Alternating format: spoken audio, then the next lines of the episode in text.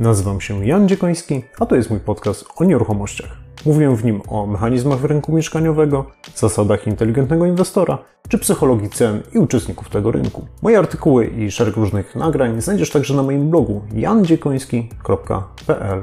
Jeżeli jesteś profesjonalistą i żyjesz z rynku nieruchomości, to zapraszam Ciebie także na mój serwis analityczny fltr.pl, gdzie razem z zespołem dzielimy się analizami i doradztwem dla uczestników naszego rynku.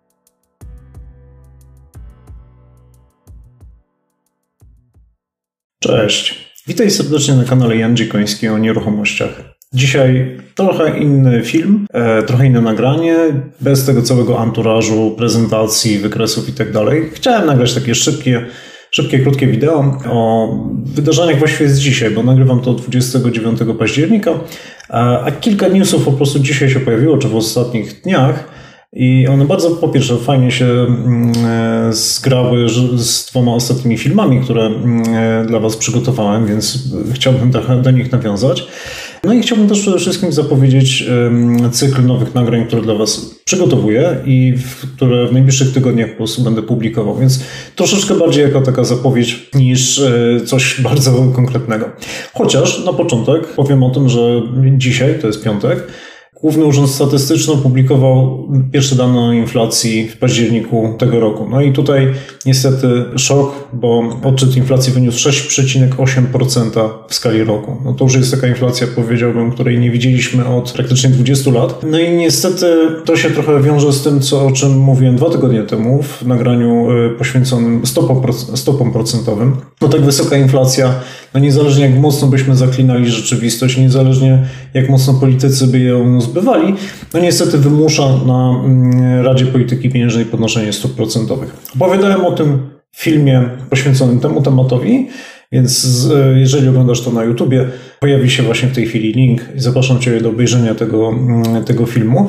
Opowiedziałem w nim po pierwsze, w ogóle skąd się wzięła tak wysoka inflacja i czego możemy się spodziewać w przyszłości i jak tak wysokie odczyty inflacji, jakie będą miały przełożenie najprawdopodobniej na wzrost stóp procentowych. No więc w tamtym filmie dużo opowiedziałem na ten temat. W ogóle tak wysoka inflacja w tej chwili to nie jest wyjątkowe zjawisko tylko dla Polski, bo i w całej Unii Europejskiej i w Stanach Zjednoczonych też um, inflacja osiąga dość rekordowe poziomy.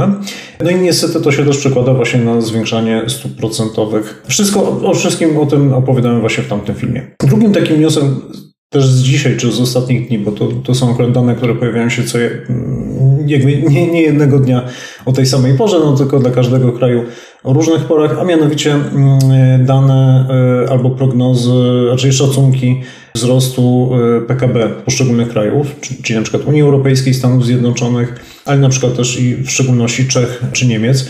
No i ostatnie dane na przykład dla Niemiec pokazały wolniejszy rozwój e, w trzecim kwartale 2021, bodajże 1,8% wobec prognozy 2,2%. W Czechach podobna sytuacja, 1,4% wzrostu w porównaniu do prognozy ponad 2,8%. I Czechy i Niemcy to nie są jedyne kraje, które w tej chwili jakby borykają się z problemami przede wszystkim w sektorze produkcyjnym. I tutaj, ponieważ te, te kraje są no, w dużej mierze jakby ich gospodarka jest oparta między innymi na produkcji e, samochodów, czyli przemysł motoryzacyjny stanowi dużą część gospodarki, zatrudnia dużo ludzi i przynosi dużo pieniędzy.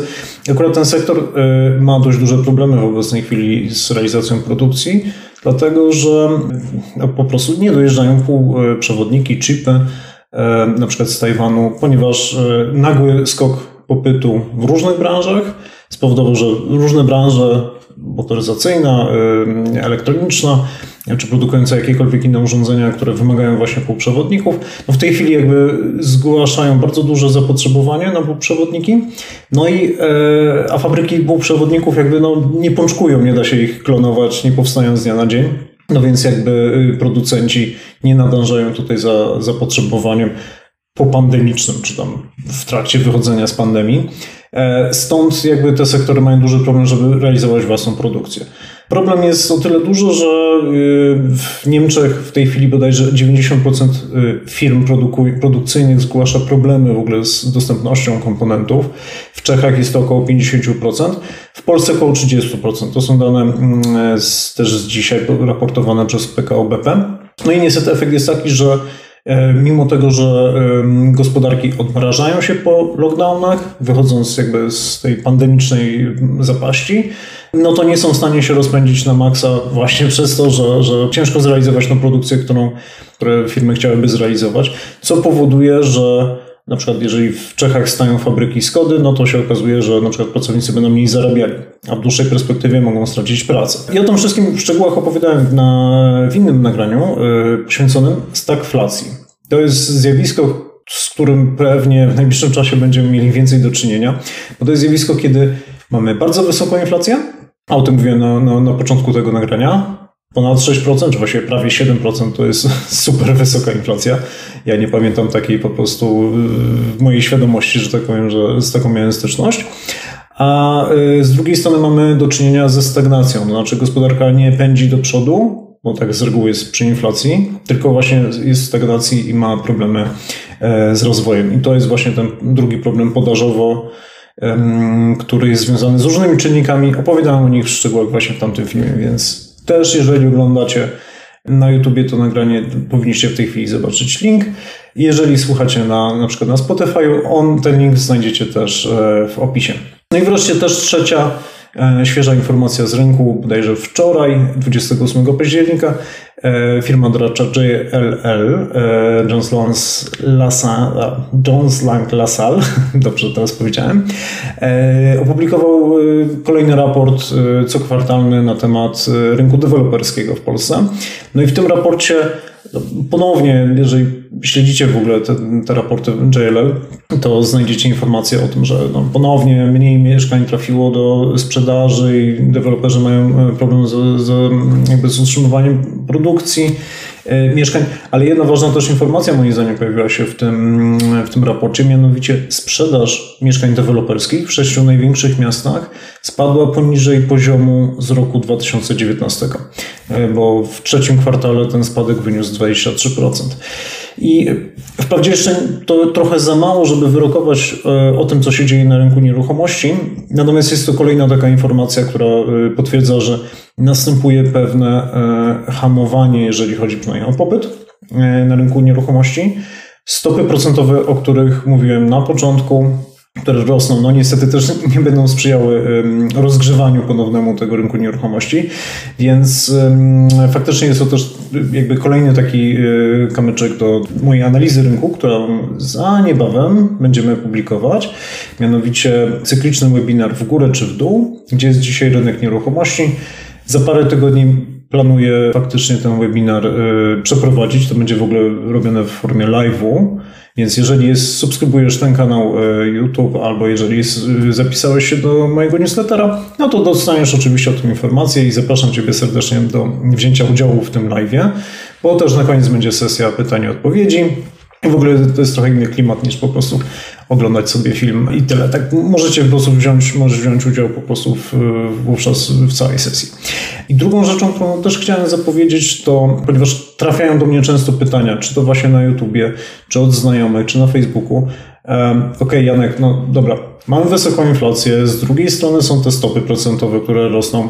Z trzeciej strony nie ma mieszkań, z czwartej jest duża konkurencja o, o, mieszkania, ciężko coś kupić w dobrych pieniądzach.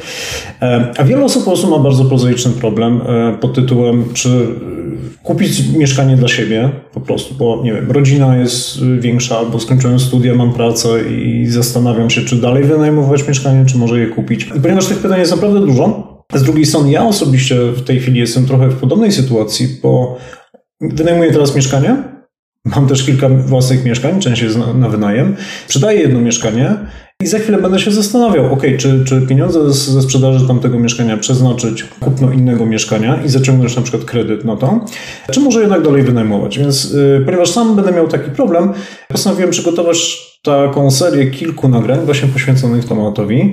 I w pierwszym nagraniu opowiem najpierw o takich argumentach za i przeciw wynajmu i mieszkania, ponieważ no, miałem przyjemność i, i, i mieszkać na swoim, i wynajmować. Jedno i drugie ma pewne plusy dodatnie i plusy ujemne. Chciałbym o nich opowiedzieć, bo nie jest tak, że własne jest zawsze super, a to na wynajem to jest e, po prostu dla biedoty. Wcale tak nie jest, nie zgadzam się z taką opinią i moim zdaniem każdy, każdy powinien się dobrze zastanowić, dlaczego chciałby posiadać własne mieszkanie albo wynajmować i myślę, że każdy ma prawo do, do, własnej decyzji w tym zakresie. Więc chciałbym Tobie pomóc też, jeżeli masz taki problem. Drugi film będzie poświęcony temu, co się bardziej opłaca. Wynajem i zakup i pod jakimi warunkami, bo to nie jest tak, że zawsze kupno, jest, kupno na kredyt jest lepszą opcją niż wynajem. I jest tutaj kilka jakby od tego wyjątków. Więc chciałbym pokazać, w jaki sposób w ogóle można to liczyć, w jaki sposób porównywać cenę zakupu, e, czy tam ratę kredytu e, mieszkania względem wynajmu, bo to nie jest tylko wysokość raty, to nie tylko, to nie jest jedyny jakby aspekt, na który trzeba zwrócić uwagę finansowy. W trzecim nagraniu chciałbym opowiedzieć o tym, jakie specjalne triki i strategie można w ogóle zastosować, żeby z jednej strony pogodzić na przykład plusy i wynajmu, i posiadania mieszkania. W jaki sposób zrobić to optymalnie, w jaki sposób zrobić to inaczej niż, niż powiedzmy każdy Kowalski myśli, że trzeba kupić. Okay? Na to jest kilka innych patentów. W jaki sposób zrobić to bezpieczniej, zrobić to taniej, zrobić to bardziej efektywnie i jednocześnie jakby korzystać z jednego i z drugiego. Więc zapraszam Ciebie do śledzenia mojego kanału, żebyś mógł po prostu zobaczyć, w jaki sposób podejść do problemu kupić czy wynająć mieszkanie dla siebie. Ok, tyle na dzisiaj. Wreszcie udało mi się nakręcić w ogóle krótki film, więc mam nadzieję, że e, fajnie się Tobie e, oglądało w ogóle to nagranie, bo ono jest w zupełnie innym stylu niż normalnie. I jeżeli masz jakiś komentarz, podobało Ci się albo Ci się nie podobało, zostaw komentarz albo napisz do mnie maila. E, możesz też do mnie napisać na Facebooku, na Instagramie, na jakimkolwiek innym kanale, na którym jestem.